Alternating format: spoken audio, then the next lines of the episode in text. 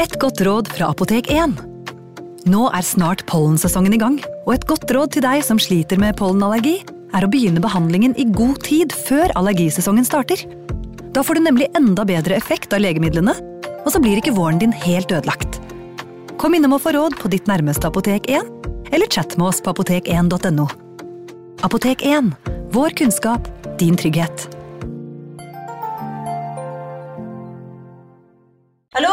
Jeg kommer fra Oslo politikammer. Ine Jansen er purk. Er du purk? The motherfucking bitch. Alt jeg vil, er å finne ut hva som skjedde med mannen min. Jon Carew. Er jeg sikta for noe? Iben Akeli. Det er du. Ole So, Lars Berrum og Big Daddy Karsten. Hvem sin side er du på, egentlig? Anette Hoff, Tone Danielsen, Kommer du fra Afrika? Jørnis Josef, Nesten. Kløfta. Trond Espen Seim, Det er synd å si det, men det var feil mann som døde. Purk. Premiere tirsdag på TV2 Play. Advarsel. I denne podkasten vil du høre historier basert på informasjon programlederne har funnet selv. Programlederne står ikke nødvendigvis inne for meninger og syn som fremstilles. Noen påstander kan avvike fra virkeligheten.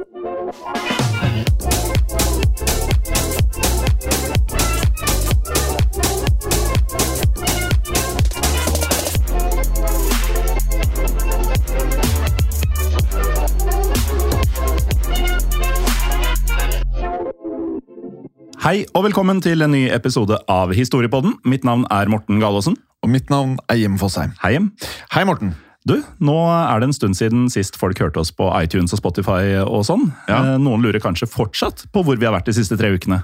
Ja, det kan jo være folk der ute som eh, vil vite hvordan du kan mm, eh, få maksimalt med oss to rett inn i hjernen. Ja, altså, Det er så enkelt som at hvis du ønsker å høre oss to i våre mange podkaster etter hvert, hver eneste uke, så er det bare én ting å gjøre. Ja, Da må du laste ned en app. Ja. Ja, Og det er en rosa app som heter Untold. Yes. Og den får eh, Android-brukere tak i på Google Play Store. Ja, Og er du Apple-bruker, så går du inn på AppStore og laster ned der. Ja, og du kan også bruke nettleseren. Eh, Gå inn på untold.app hvis du vil laste ned på den måten. Ja, og da er det faktisk slik at hvis du ikke har gjort det tidligere, så får du første måneden helt gratis. Så får du testet ut, da! Eh, For det er jo veldig mye mer enn oss der inne. Det er jo Ja, veldig mye mer enn oss. Ja. Ja. Og så i ehm, Ja, det er vel en uke eller to til, så kommer jo vår uh, nye podkastserie. Ja, den har vi dingla foran folk lenge, Altså, men nå sånn kommer den endelig. Verdens største gulrot som bare er doing, doing foran ansiktet, folk. Ja, den Ja. kommer. Du snakker da om Samlingen av Japan, yeah. som er en egen podkastserie på seks episoder som tar for seg nettopp samlinga av Japan. Og da får du altså det groveste fra Ja. middelalderens Japan. Det er samuraier og hele pakka, vet du. Det er ille. Det er ille. Mm. No, no, ja, det er ganske røft. De, er, de er noe annet enn oss. Det er noe annet enn Ja. oss. Eh, og så ønsker jeg å si et eller annet om eh, dagens episode før vi starter. Ja. For det har jo blitt kommentert, og det kan kommenteres igjen, at vi noen ganger ikke alltid uttaler alle navn akkurat sånn de skal uttales. Ja, og det har vi jo lurt veldig på i forkant av denne episoden. Fordi um, folk har jo sikkert lest uh, hvem episoden handler om. Og det vi har kommet fram til gjennom googling og diskusjoner med forskjellige folk, at det er egentlig bare én måte å si dette navnet på. Ja, det er faktisk eh, Og så har vi vært på pronunciation.com, eller pronounce.com, eller hva det heter. Mm. Og vi har hørt flere uttale dette her. Ja. Og vi kommer til å gjøre vårt eh, beste med, med å ikke le for hver gang vi sier det. For vi kan jo synes at navn kan være morsomme. Det har skjedd. Det har skjedd, og det kommer til å skje igjen. For i dag så skal vi prate om Iren Mad Mike Hoare. En leiesoldat som i sin tid deltok i både andre verdenskrig og flere konflikter i Afrika. Ja, og Mike han eh, forsøkte også å begå et, eh, av alle ting, et statskupp. Eh, og det er jo ganske voldsomt. Det er voldsomt. Eh, På en eh, liten øy som eh, mange sikkert har hørt om, nemlig Seychellene, altså en øystat. Ja, Seychellene. Se- Seychellene. Og siden kallenavnet hans var Mad Mike, så sier det seg vel nesten selv at han var jo ikke helt vanlig. Han var ikke helt vanlig. Han var langt mer spenningssøkende enn eh, de fleste, og det skal vi høre flere eksempler på. Men eh, først må vi ta oss tilbake til der det hele starta, nemlig den 17. mars 1919, som var dagen da Thomas Michael Hoare ble født. Thomas Michael, eller Mike som han ofte ble kalt, da, han kom til verden i India. For eh, som sikkert eh, mange av lytterne våre vet, da, så var eh, datidens India en britisk koloni. Ja, og derfor så jobba den irske faren til Mike som elvebåtfører og assisterende havnesjef i India. Farens eh, navn, Morten, Mm. det var Michael Hoare senior. Ja. Og slik vi forstår det, så var da Mike senior gift med Eileen Hoare. Stemmer. Ja, Og selv om vi ikke vet pikenavnet til Eileen, så var hun da selvsagt da moren til Mike jr. Men utover det så vet vi dessverre lite om perioden som familien Hoare tilbrakte i India. Så derfor så beveger vi oss til 1927. I dette året så flytta familien til byen Margate i det sørengelske fylket Kent. Og her ble den nå åtte år gamle Mike, eh, altså junior, tatt opp som elev ved skolen Margate College. Ja, og I løpet av disse årene han gikk på skole, Morten, så begynte Mike å utdanne seg som noe som er for meg ikke veldig morsomt. Og lite madness. Lite madness, altså veldig A4 egentlig. Nemlig regnskapsfører. Mhm. Ja, Men han skal også ha forsøkt å søke seg videre, Morten. Nemlig til Storbritannias aller mest eh, prestisjefulle militærskole. Nemlig The Royal Military Academy Sandhurst. Ja, men av årsaker som vi ikke er kjent med, så fikk Mike avslag fra Sandhurst, så han søkte seg i stedet til The Territorial Army, der han ble innrullert som 20-åring. Og da må vi jo kort forklare, Jim, hva The Territorial Army er for noe. The Territorial Army er eh, nemlig en del av eh, det britiske militæret, som består av ikke profesjonelle deltidssoldater. Så ikke det aller mest prestisjefulle. Nei, det er nesten ikke å være soldat, da. Ja, Altså, Du er ikke profesjonell, og du er deltid. ja. Så store deler av tiden så er du ikke soldat. Eh, mesteparten av tiden, føles det som. Eh, og Derfor så kan The Territorial Army sammenlignes med eh, det vi i Norge kaller for Heimevernet, kanskje? Ja. Eh, men som vi skal få høre, så ble da Mike en eh, ja, profesjonell soldat eh, likevel. Ja, som nevnt så var jo Mike en svært eh, spenningssøkende type, noe som annet kom til uttrykk gjennom det personlige forbildet hans, og det var den eh, engelske skipskapteinen Sir Francis Drake. Ja, Drake han var en engelsk sjøfarer som mellom 1577 og 1580 ble den aller første engelskmannen som gjennomførte en jordomseiling.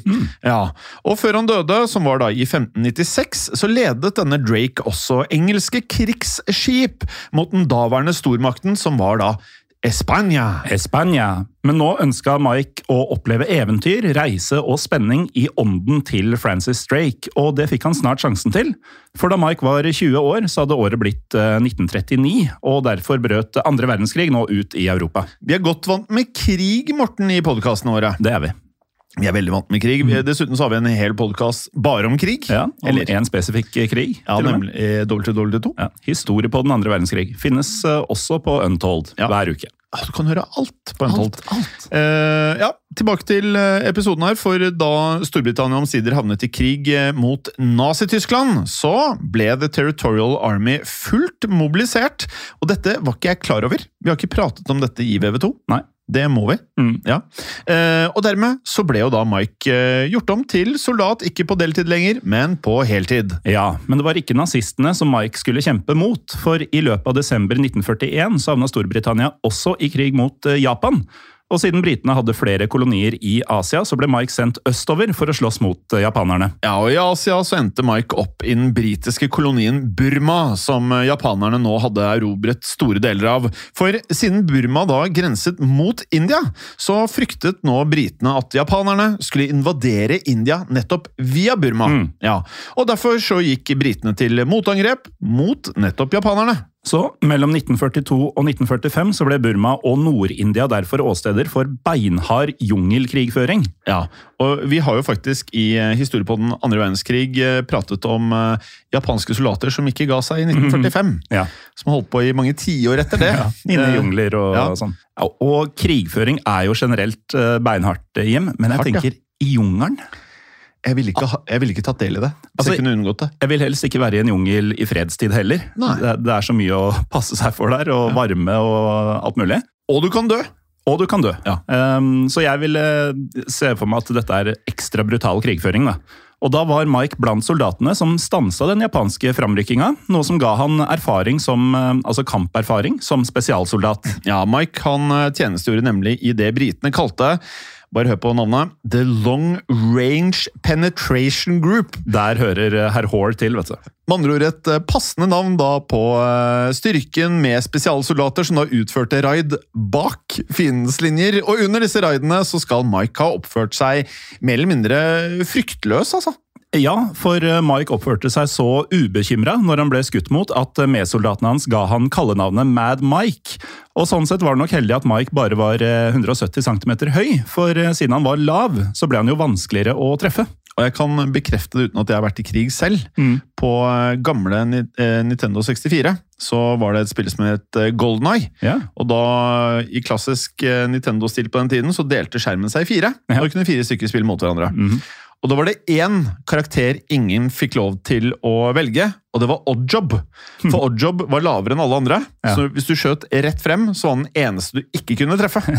Så det å være lav, tydeligvis, det er ikke så ille i krig, det, da. Så det er enda en grunn til at jeg ikke skal krige noe særlig, da. Du er en vandrende 208 høy målskive.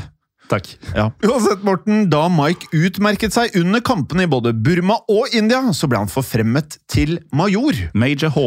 Presist. Og som eh, major så opplevde Mike at Storbritannia vant andre verdenskrig, som vi har pratet om i historiebånden. Andre verdenskrig ganske mange ganger, for mm. Japan de kapitulerte nemlig 2. september 1945. Og da annen verdenskrig tok slutt, så var Mike fortsatt i India. Ja, og derfor var det i India at han gifta seg med forloveden Elisabeth Stott. Og det var kanskje ikke rart at eh, Elisabeth eh, ville gifte seg med Mike, for um, ifølge noen beskrivelser så var Mike både kjekk og sjarmerende. Og da Mike og Elisabeth så flyttet til Storbritannia sammen, så ble de foreldrene til barna Chris, Tim og Geraldine. Eh, og mens barna da kom i tur og orden, så ble Mike til slutt en sivilist å regne igjen, da. Og han fikk eh, jobb som det han utdannet seg som, da, som vi husker, var en eh, tørr regnskapsfører. Ja, men det var nok feil yrke for Mad Mike. For eh, siden han var eh, en svært eventyrlysten mann, så fant han ikke mye spenning i å sitte og knote med andres eh, tall og lønnsutbetalinger og den type ting. Og da han begynte å jobbe i den britiske hovedstaden London, så gikk det ikke lenge før Mike rett og slett eh, kjeda vettet av seg. Og i 1948, Morten, da flytta nemlig Mike og familien hans fra Storbritannia til Sør-Afrika. Ja.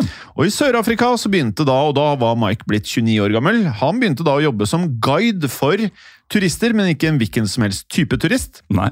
Det var de som dro til Sør-Afrika for å jakte, altså jaktturister. Det er noe annet enn regnskapsføring. Ja, det er noe helt annet. Eh, Men selv da om han jobbet eh, i det vi kan kalle safaribransjen, så følte ikke Mike at han han fikk liksom ikke nok fart og spenning. Nei, og derfor tilbrakte Mike store deler av 1950-tallet med å utforske Afrika. Og da kjørte han bl.a. motorsykkel fra Cape Town i Sør-Afrika til Kairo i Egypt. Ganske lang motorsykkeltur. Du er bedre på eh, liksom, kilometeravstand enn meg, Morten, til å liksom, sette litt i perspektiv, men altså når du nærmer deg 10 000 km, så vet selv jeg at det er mye. Ja. Eh, For denne turen den utgjør da, for å være helt nøyaktig, da, 9697 km. Det er et godt stykke. Om det er et godt stykke, ja. Mm. For dette tilsvarer nemlig to ganger distansen mellom byene for de som har vært i LA og New York. Jeg har, eh, jeg har fløyet begge steder. Det er ganske langt. Det er ganske langt. altså... For, for, for dette her, De 9697 kilometerne de utgjør da distansen mellom byene LA og New York to ganger. Ja, Tur-retur Los Ja, tur-retur, Angeles, ja. Mm. New York. Og bare å fly mellom de to byene tar jo fem timer. Så det er, eh, det er avstander her. Det er meget. Men eh, dette var ikke det eneste påfunnet til Mike, for i 1958 så prøvde han også å finne en forsvunnet by i Kalahari-ørkenen. Og Derfor reiste Mike til landet Botswana, som er et av de tre landene Kalahari strekker seg gjennom. De to andre landene er for øvrig Namibia og Sør-Afrika.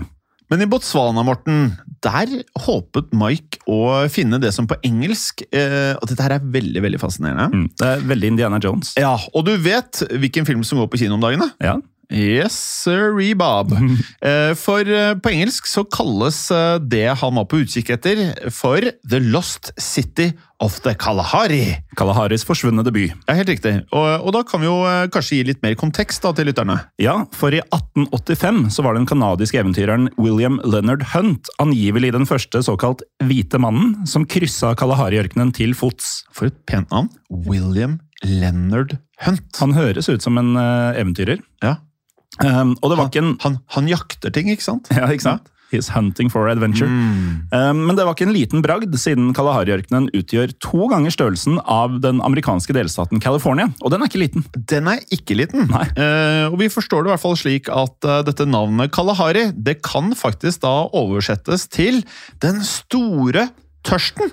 Ja, Det er et fryktinngytende navn på en ørken. Det er eh, Men tenk deg også hvor tørst du er når du er der. Mm, eh, så eh, navnet leker med deg. Ja. Og per dags dato da, så regnes Kalahari som eh, blant de aller største ørkenene å være, nemlig den sjett største i verden. Mm. Eh, og Derfor så kan man jo da nevne eh, de andre ørkenene også, for de som er interessert i det. For jeg syns dette var litt gøy, da. Ja, for vi har en topp fem-liste før man kommer til Kalahari, og det er nummer én. Det må være Sahara. Det er det. Ja. Nummer to er den arabiske ørken. Eh, nummer tre er eh, Gobi-ørkenen i det østlige Sentral-Asia, der f.eks. Mongolia ligger. Eh, nummer fire er Patagonia i Sør-Amerika. Og eh, nummer fem The Great Victoria Desert i Australia. Hadde du hørt om eh, The Great Victoria Desert? Eh, nei, faktisk ikke. heller ikke det. Nei. Hmm. Men jeg har hørt om Kalahari, Mm. og jeg, hadde, jeg tror ikke jeg har hørt om Gobi-ørkenen heller. Ja, den er eh, berømt. Ja, den er det? Mm. Ja. Har du vært i nærheten av noen ørkener, eller? Mm, jeg har jo vært i ørken, eh, i Jordan. Da Ja. tilbrakte jeg til og med en natt i Wadi Rum. Oh, ja. Det var eh, litt av en opplevelse. Ja. Det var ikke dekning der ute. Nei, det var ikke det, nei. nei, nei. Men det kan være greit, det. Mm. Men tilbake til denne kanadiske eventyreren som jaktet, altså William Leonard Hunt. Ja, for da Hunt i 1885 kryssa Kalahari-ørkenen i Botswana, så han noen uvanlige steinformasjoner. Og da ble Hunt overbevist om at disse steinene var ruinene av en eldgammel, forlatt by. Han var det, så da Hunt vendte hjem igjen, så leverte han en rapport til organisasjonen The British Geographical Society, hvor han påsto at det fantes en forsvunnet by i Kalahari-ørkenen, og dermed så forsøkte andre oppdagere å finne ruinene som da Hunt hevdet å ha sett. Men på 1950-tallet så hadde det som nå ble kalt The Lost City of the Kalahari, enda ikke blitt funnet. Og dette skyldtes sannsynligvis at steinene som Hunt hadde beskrevet, de var egentlig ikke ruinene av en forsvunnet by. I stedet så hadde han antageligvis bare sett eh, en bergart som heter doleritt. For når dolerittstein slipes ned av eh, sand og vind, så kan doleritt eh, ligne på firkanta menneskeskapte steinblokker. Men det var jo ikke Mike klar over i 1958. Nei. Nei, og Derfor så ble han da kun den siste i rekken av eh, oppdagere som prøvde å finne denne forsvunne byen. Men i likhet da med forgjengerne så fant ikke Mike noen spor av The Lost City. Men i stedet så oppdaga Mike en forretningsmulighet i Kalahari-ørkenen. For nå starta Mike en liten bedrift som tilbudte guidede safariturer gjennom Kalahari. Og i juli 1959 så gikk den første safarituren av stabelen med 15 påmeldte deltakere. Ja, jeg tenker Kunne vært mer enn 15 år, kanskje? Kunne kanskje. Ja, Det var ikke så mange der. Nei, men samtidig, hvor mange er det som er interessert i å utforske en ørken? Ja. Er og antagelig betaler gode penger for det også. En tørst ørken. Uansett, Morten, da, blant disse 15 deltakerne så var det en amerikaner som het Don Rickard. Eh, og til dere lyttere så er det ikke sånn at jeg sier Richard feil. Det skrives da R-I-C-K-A-R-D. Ja, Merkelig vanskelig å si det, faktisk. For det er så unaturlig. Ja. uh, uansett, da, denne Rickard han uh, påsto at han jobbet ved en amerikansk ambassade i Sør-Afrika. Så da Mike møtte Rickard, så syntes Mike at Rickard virket både jovial, humoristisk og også sjenerøs. Og derfor så ble Mike og Rickard raskt uh, å anse som gode venner. Ja, men snart eh, så viste det seg at Don Rickard hadde en hemmelighet. For Rickard jobba nemlig for den amerikanske etterretningsorganisasjonen The Central Intelligence Agency, også kjent som CIA. Ja, og Dermed så åpnet seg da nye muligheter for Mike, noe vi skal høre mye mer om etter en kort pause. Velkommen tilbake. Før pausen var Mad Mike Hoare på en safaritur der han møtte den amerikanske CIA-agenten Don Rickard. Denne turen fant sted i 1959, og da sto som kjent USA midt oppe i den kalde krigen mot det kommunistiske Sovjetunionen. Derfor var Rickard og CIA opptatt av å stanse eventuell spredning av kommunisme i Afrika. Og i løpet av eh, safarituren deres så skal Rickard ha overbevist Mike om at kommunister at de rett og slett ønsket å overta hele Afrika! Ja, Ifølge Rickard så måtte dette forhindres for enhver pris, og siden Mike da ikke likte kommunisme, så sa han seg helt enig i dette, og i 1960 så førte dette da til at Mike ble av alle ting en leiesoldat. Fra regnskapsfører til leiesoldat. Ja, det er eh, Nå har han jo vært deltid- og heltidssoldat og i spesialstyrken, men leiesoldat det er ganske annerledes. Mm. Um, uansett, han ble da leiesoldat i eh, det sentralafrikanske landet Kongo. Ja. Eh, og Derfor så må vi igjen i en del eh, kontekst til det hele, Morten. Ja, for mellom 1960 og 1965 så pågikk den såkalte Kongo-krisen. I 1960 ble nemlig Kongo selvstendig fra Belgia, men da belgierne avvikla det som hadde vært et brutalt kolonistyre, så hadde belgierne fortsatt økonomiske interesser i Kongo. Ja, Blant annet så ønsket det belgiske gruveselskapet Union Minier Union Minier, Union Minier eh, å drive da all gruvedrift i den vestkongolesiske regionen Katanga. Og her hadde nemlig Union Minier et monopol på gruvedriften, og det hadde de hatt siden 1906. Og eh, Jeg vet jo at lytterne vet dette, men monopol det betyr jo da i realiteten da, at eh, Union Minier var den eneste aktøren når det kom da til gruvedrift. Ja, men til Union Minière sin frustrasjon så ønska Kongos første statsminister Patrice Lumumba å nasjonalisere all gruvedrift i Kongo. Og dette innebar at Lumumba eh, ville at den kongolesiske staten skulle eie landets naturressurser, ikke ulikt hvordan Norges olje i dag eies av den norske staten gjennom Equinor. Ja, Men dessverre da for Lumumba og regjeringen hans så førte dette til en væpnet eh, konflikt. Mm. Union Menier oppmuntret nemlig da sine lokale kongolesiske ledere til å da løsrive seg fra resten av Kongo. Dette er ganske heftig, altså! Og det var da for å beholde gruvedriften sin i Katanga. Ja, og da Katanga erklærte seg selvstendig, så brøt det ut en borgerkrig mellom den kongolesiske regjeringa og en separatistregjering i Katanga. Og denne separatistregjeringa ble ledet av politikeren Moise Tjombe. Og mot slutten av 1960 så ble Lumumbas regjering utsatt for et belgiskstøtta militærkupp. Ja, og I januar 1960 så ble Lumumba derfor eh, overlevert til Chumbes eh, styrker i eh, Katanga. Hvordan sa du navnet hans? Chumbe. Chom, ja. Uh, Ja. Ja. Eh, Det er, ikke, Chombe. det er ikke den type navn vi eh, oftest leser. Nei. Men det er jo ikke en aksent over én, så derfor tror jeg det er Tshombe og ikke Tshombe. Men selv om Lumumba deretter ble henrettet, så fortsatte den nye kongolesiske regjeringen kampen mot separatistene i Katanga. Og dermed raste borgerkrigen i Kongo videre, og siden Chombe og separatistene hans lot Union Minière fortsette gruvedriften sin, så ble Katanga støtta av både Union Minière og Belgia. Og Derfor så brukte Belgia enorme summer til å da rekruttere en hel hær på vegne av Katanga. Dette er ganske utrolig. Ja.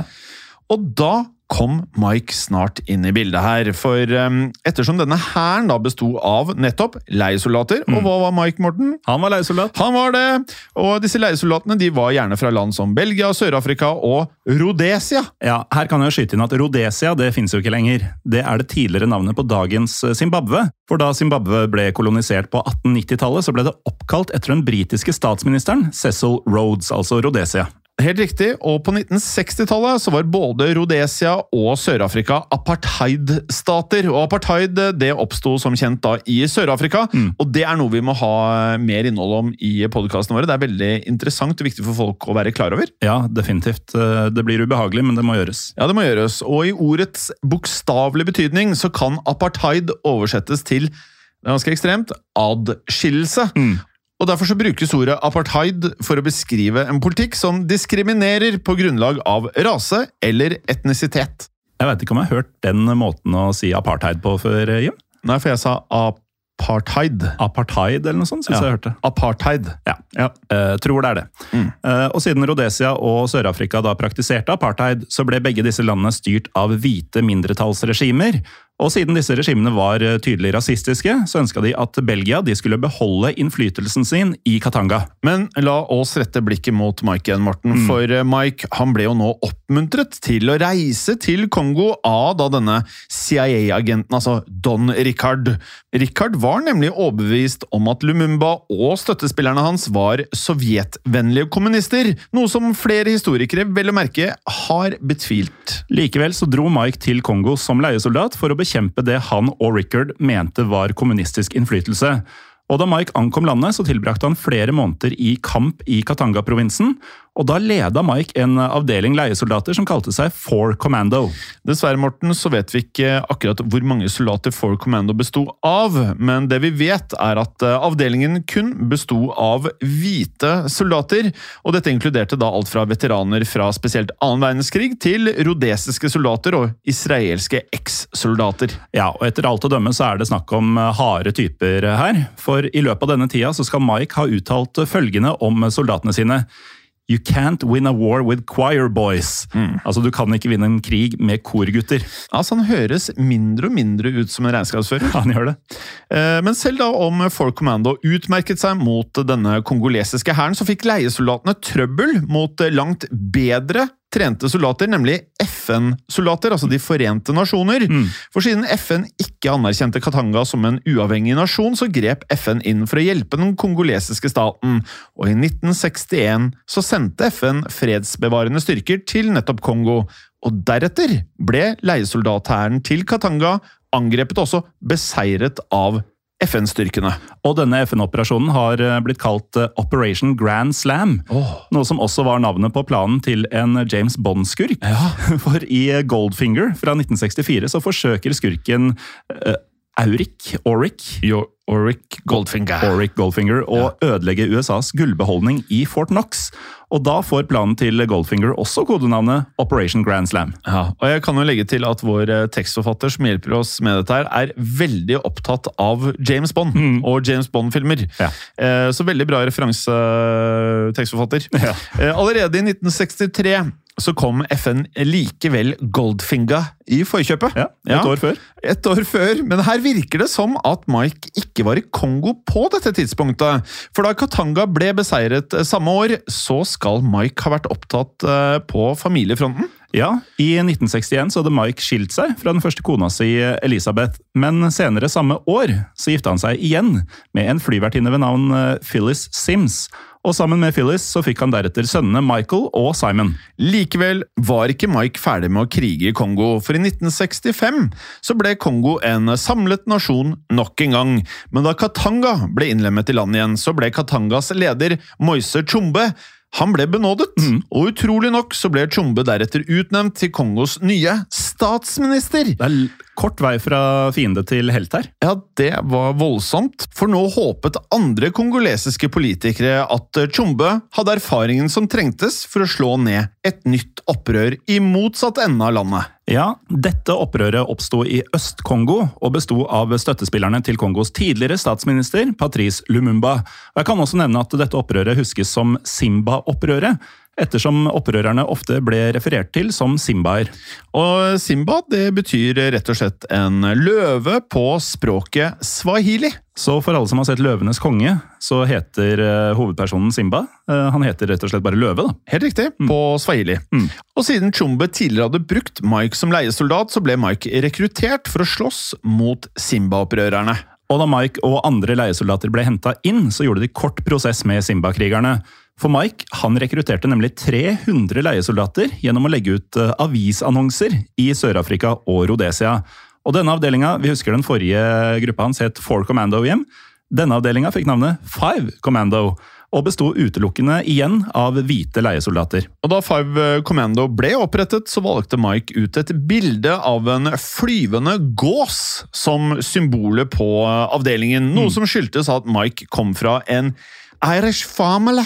Ja, for helt siden 1600-tallet hadde nemlig irske soldater brukt bilder av yes på flaggene sine. Altså gås i flertall, for de som lurte på hvorfor jeg sa yes. In Ireland. Mm. Og som en del av denne tradisjonen så sørga Mike for at flagget til Five Commando avbildet en gås, og derfor ble Five Commando også kjent som The Wild Geese, ja. altså de ville gjessene. Ja. Og Ifølge noen engelske beskrivelser så utgjorde The Wild Geese uh, a bag of Misfits. Det har jeg ingen problemer med å tro på. Ja, altså En samling med utskudd. Mm. Og det fins eh, relativt mange filmer eh, fra Div kriger hvor eh, mange av de som utgjør hæren, er da enten folk som har sittet i fengsel, mm. eller folk som sitter i fengsel, hvor alternativet er å bli en del av en hær, eller ja. så fortsetter å sitte i fengselet, eller også da dødsdømte folk. Ja. Eh, og Derfor så opprettet Mike eh, svært streng disiplin for å få skikk på disse soldatene. Det tror jeg man trengte med den gjengen her. Antagelig nødvendig. Og vi kunne også trengt det, skulle vi vært eh, i noen som helst her, men ikke fordi vi var Vi hadde vært misfits, vi òg, men ikke fordi vi var for gærne. Nei, vi hadde bare ikke passa inn. Eller vi hadde ikke den turt ting. misfits. Måtte liksom fått oss i gang, skulle vi gjort noe som helst. Ja. Noe av det han gjorde, var annet å innføre et forbud mot banning. Ja, og det er jo litt spesielt når det er en gruppe med knallharde leiesoldater, og lederen er irsk. Ja, du sier noe, fordi de er jo ikke kjent for å vaske munnen med såpe. Nei, de er ramsalte. Ja, de er ramsalte, helt riktig det. Og så hadde han et påbud om å gå i kirken på søndager. Ja. Ja, Og han krevde også at soldatene hans alltid, til enhver tid, da skulle være kortklipte. Eh, det er jo ikke så uvant. Eh, Det er ganske militært. Ja. Mm. Og så skulle man være glattbarbert. Jeg tror jeg aldri har sett deg glattbarbert, Morten. Takk det samme, Jim. Jeg har sett deg kortklipt. Ja, det er egentlig uunngåelig. Men uansett, eh, disse reglene hindra ikke at eh, The Wild Geese ved en anledning plyndra den Simba-kontrollerte byen Kisangani. Og under denne plyndringen så skal The Wild Geese ha sprengt opp hvert eneste ett av byens bankhvelv. Og etter at de hadde forsynt seg med penger, så konfiskerte leiesoldatene all alkoholen som fantes i de forskjellige barene i Kisangani. Ja, Likevel så bør man eh, ikke nødvendigvis da romantisere noe som har med The Wild Geese å gjøre. Nei. For eh, avdelingen de eh, var jo da hovedsakelig leiesoldater. De var hvite fra apartheid-statene Rhodesia og Sør-Afrika, hvor rasisme var svært utbredt også innad i The Wild Geese. Ja, og I tillegg så skal noen soldater i The Wild Geese ha vært eh, tyske krigsveteraner fra andre verdenskrig. Og Derfor var det ikke uvanlig at disse tyskerne hadde på seg gamle nazimedaljer. Og selv om Mike benekta det, så ble The Wild Geese også anklaga for å ha utført krigsforbrytelser under Simba-opprøret. Likevel da, så fikk The Wild Geese eh, mye av æren for at eh, Simba-opprøret ble slått ned, og under kampanjene så var Mike ofte å finne ved frontlinjen, der han da som vanlig oppførte seg rolig når han ble skutt på. Men ved én anledning så skal Mike ha opptrådt eh, mindre rolig. For da noen av leiesoldatene hans av ukjente årsaker utviste misnøye mot uh, Mikes ledelse av The Wild Geese, så gikk han kontant til verks. Han gikk meget kontant til verks, Morten. Brutalt.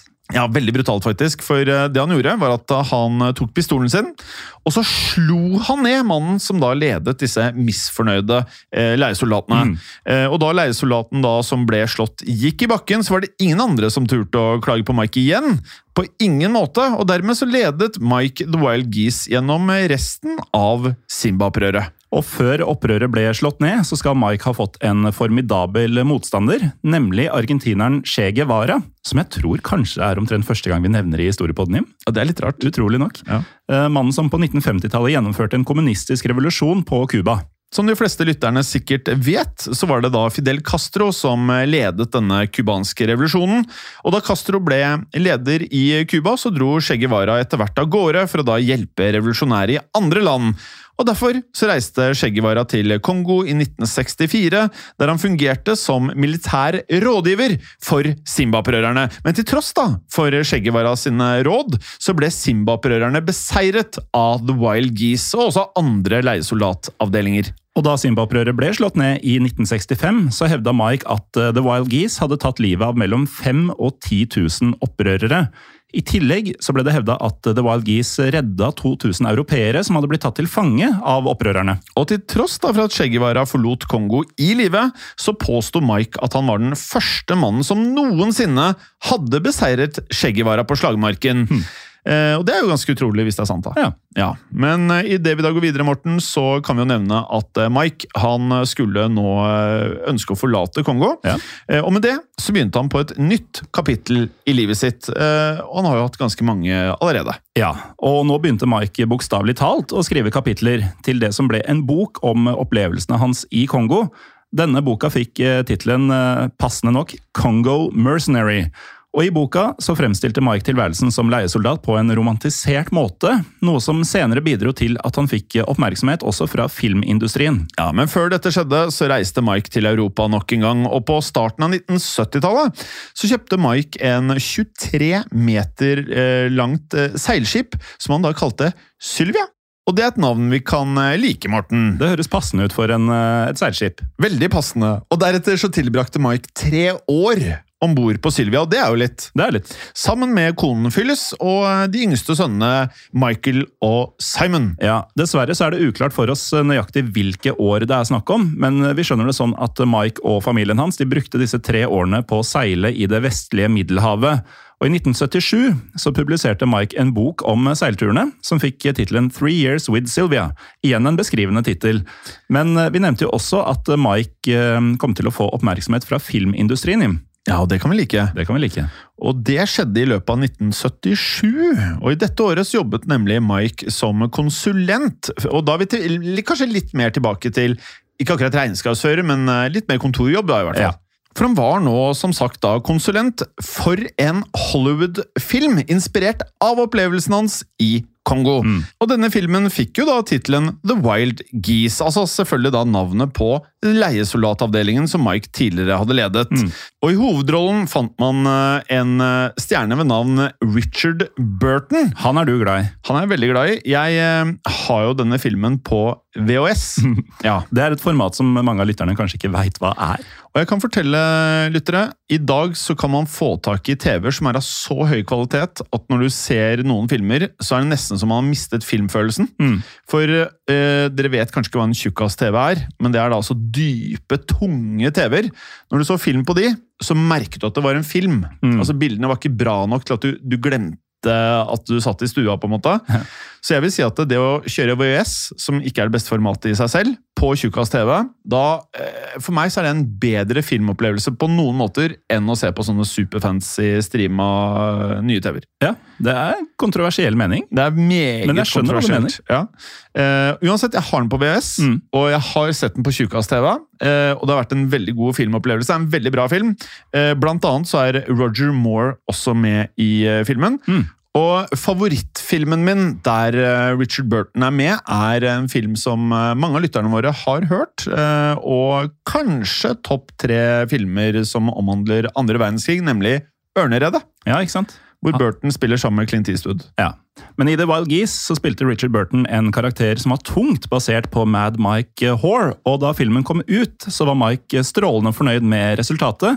Mike mente nemlig at filmen den levde opp til hans egen beskrivelse av tilværelsen som leiesoldat. Og Beskrivelsen den løt som følger. I en bra leiesoldatavdeling er alle der fordi de vil være der. Motivet er kanskje å tjene penger, men alle er der fordi de ønsker det. De er alle frivillige.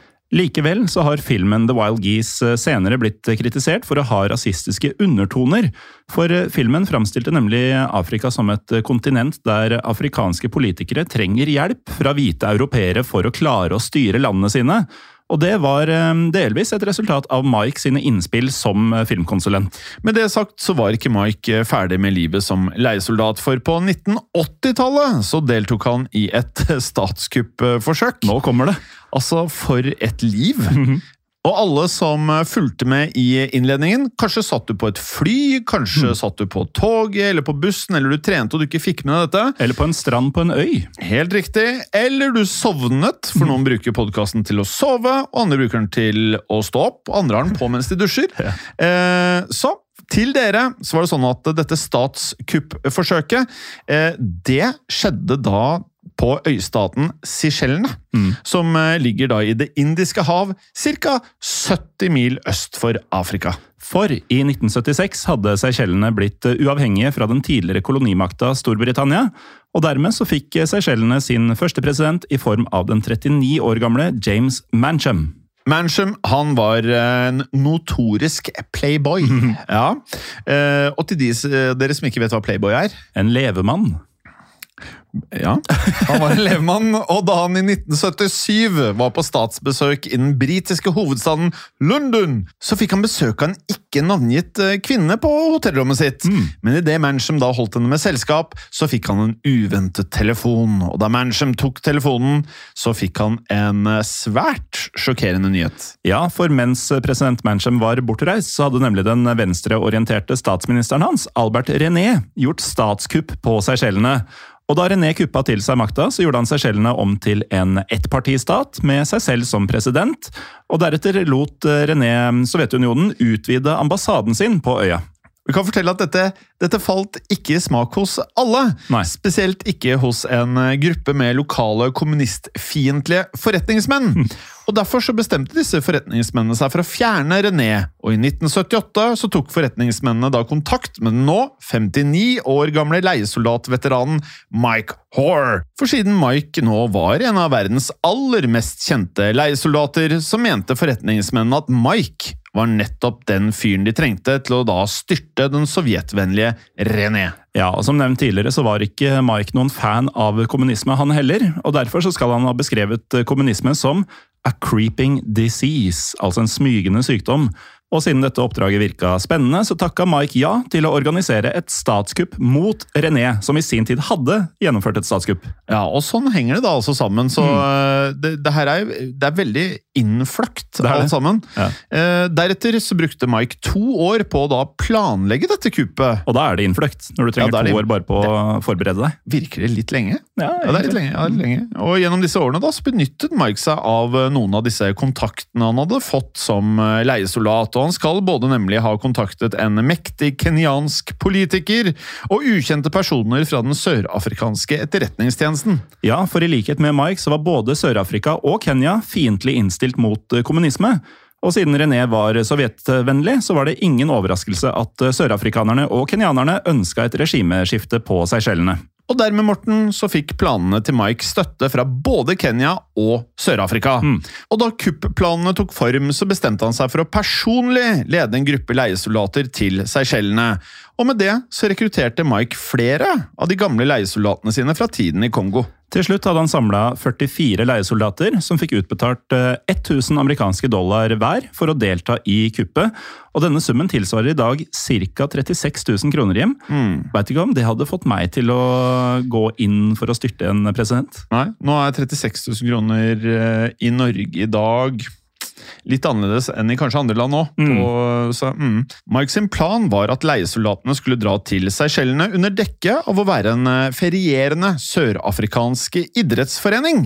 Uheldigvis så vet vi ikke hvilken idrett det da dreide seg om, men tanken til Mike var i alle fall at leiesoldatene deretter skulle vente til René forlot Seychellene i forbindelse med en utenlandsreise. Og mens René var ute av landet, skulle leiesoldatene så ta kontroll over flyplassen i hovedstaden Victoria.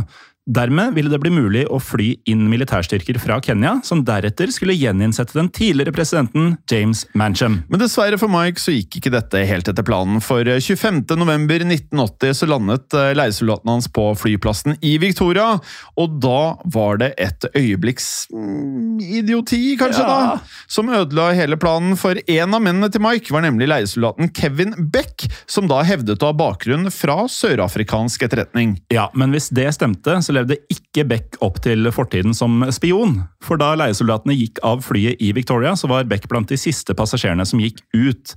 Og siden Beck hadde benyttet seg av um, alkoholserveringa om bord, så var han i litt for godt humør. Noe som fikk konsekvenser for Mike og de andre leiesoldatene. Det føles som dette kunne vært unngått. Ja. Uansett, da. Da Mike og mennene hans eh, gikk gjennom flyplassen, så passerte de nemlig gjennom en tollstasjon. Noe man kan kanskje forutse før man skal ut og reise. Ja, for eh, det er jo ikke uvanlig å ankomme et land og måtte gjennom tollen. Og tollstasjoner består gjerne av to sjekkpunkter for reisende, som henholdsvis har 'nothing to declare', hvis du ikke har noe spesielt med deg som myndighetene må vite om, og 'something to declare'. Men eh, siden Mike og mennene hans eh, ønsket å smugle skytevåpen gjennom tollen, så hadde Mike null intensjon om å gå på rødt. Ja, og i spissen da for leiesoldatene så gikk Mike derfor gjennom sjekkpunktet som het 'Nothing to Declare'. Ja. Og siden dette var da før eh, World Trade Center-angrepene i 2001, så var flyplassikkerheten ikke helt den samme som den er i dag. Og Derfor så smuglet Mike og de 44 mennene hans med seg hvert sitt automatiske skytevåpen. Og disse våpnene de lå skjult i hulrom i reisebagene til leiesoldatene. Og da de første leiesoldatene passerte gjennom Nothing to Declare-seksjonen, altså den grønne, så var det ingen tollinspektører som sjekka bagene deres. Men da Kevin Beck nådde tollstasjonen, så gjorde han en eh, En brøler. Ja, en brøler, en tabbe. For Beck han gikk nemlig gjennom seksjonen som het something to declare. Og derfor så ble bagen hans undersøkt av en tollinspektør, og dermed så ble skytevåpenet hans oppdaget. Og da fikk Beck panikk. Eh, Vet ikke helt om han har vært spion og etterretningsoffiser tidligere, fordi han utbrøt da følgende om våpenet. I don't know what it is, but there are 44 more of them in the bags outside. Altså, Jeg vet ikke hva dette Det- er for noe, men jeg veit at det er 44 til på utsiden. Altså, det er så ekstremt. Altså, det kunne ikke godt være, da. Nei, jeg kunne nesten ikke det. Jeg kunne ikke det, og nå bryter det ut et fullstendig kaos i tollen. For samtidig som en tollinspektør da løper for å skaffe hjelp, så trakk de andre leiesoldatene frem disse våpnene, eh, og de var jo 44 mann totalt. Ja. Og deretter så ble den løpende tollinspektøren rett og slett da skutt og også drept. Ja, og Deretter så begynner Mike og mennene hans å ta gisler, eh, samtidig som den eh, seychelliske hæren dukker opp. og Da oppstår det rett og slett en gisselsituasjon på flyplassen. Og, og dette her høres jo nesten for film ut til å være sant, men det Ja. har skjedd. Eskalerer litt for fort til å kunne være virkelig, men som du sier, det har skjedd. Men uh, vi har ikke hørt det mest klønete ennå, egentlig. Nei, for eh, etter hvert som denne gisselsituasjonen fortsatte, så mistet da én leiesoldat eh, livet. Og dette skjedde da en annen leiesoldat skjøt han rett og slett ved en feiltagelse. Det er eh, ikke den proffeste gjengen eh, vi har vært borti dette her. Og I tillegg så ble en annen leiesoldat skutt og såret av den seychelliske hæren. Og akkurat da situasjonen så mørkest ut for Mike og leiesoldatene, så landa et Boeing passasjerfly på flyplassen. Og dermed så øynet leiesoldatene en mulighet til å unnslippe. For selv om Mike ønsket å slåss, så overtalte de andre leiesoldatene han til eh, å rett og slett da kapre dette Boeing-flyet. Ja, og Deretter så tvang Mike og leiesoldatene de to pilotene til å fly dem til Sør-Afrika, noe som faktisk gikk eh, rolig for seg, ifølge en flyvertinne som opplevde kapringen. Bare hør på det her. Leiesoldatene var så høflige og gentlemansaktige at det ikke føltes som at vi ble kapret. Det høres ut som Stockholm-syndromet. Det gjør absolutt det, men eh, til tross for denne høfligheten da, som eh, de utviste under flykapringen, så ble Mike og leiesoldatene hans eh, omsider da stilt for retten. For da leiesoldatene ankom Sør-Afrika, så ble den sørafrikanske regjeringen utsatt for et svært press, da, også internasjonalt. Og siden omverdenen krevde at Sør-Afrika straffet leiesoldatene, så ble Mike og mennene hans tiltalt for flykapring. Og Derfor endte det med at eh, Mad Mike Hoare ble dømt til ti års eh, fengsel. og I tillegg ble 42 av de andre leiesoldatene også dømt til kortere fengselsstraffer. De eneste to leiesoldatene som ikke ble dømt, var leiesoldaten som mista livet på flyplassen i Victoria. Og leiesoldaten som ble såret i skuddvekslingen mot den seychelliske hæren. For han var på en måte uskyldig i selve flykapringa. Ja, for eh, han eh, hadde jo blitt bedøvet før han da omsider ble bare dratt inn i flyet. Og med det så hadde han jo egentlig ikke da deltatt i kapringen. Nei, teknisk sett ikke. Men i 1985 så ble den 66 år gamle Mike benådet av Sør-Afrika. Og Da han ble løslatt, så tilbrakte Mike resten av livet på mye roligere vis. I 1992 så flytta han nemlig til France med kona Phyllis.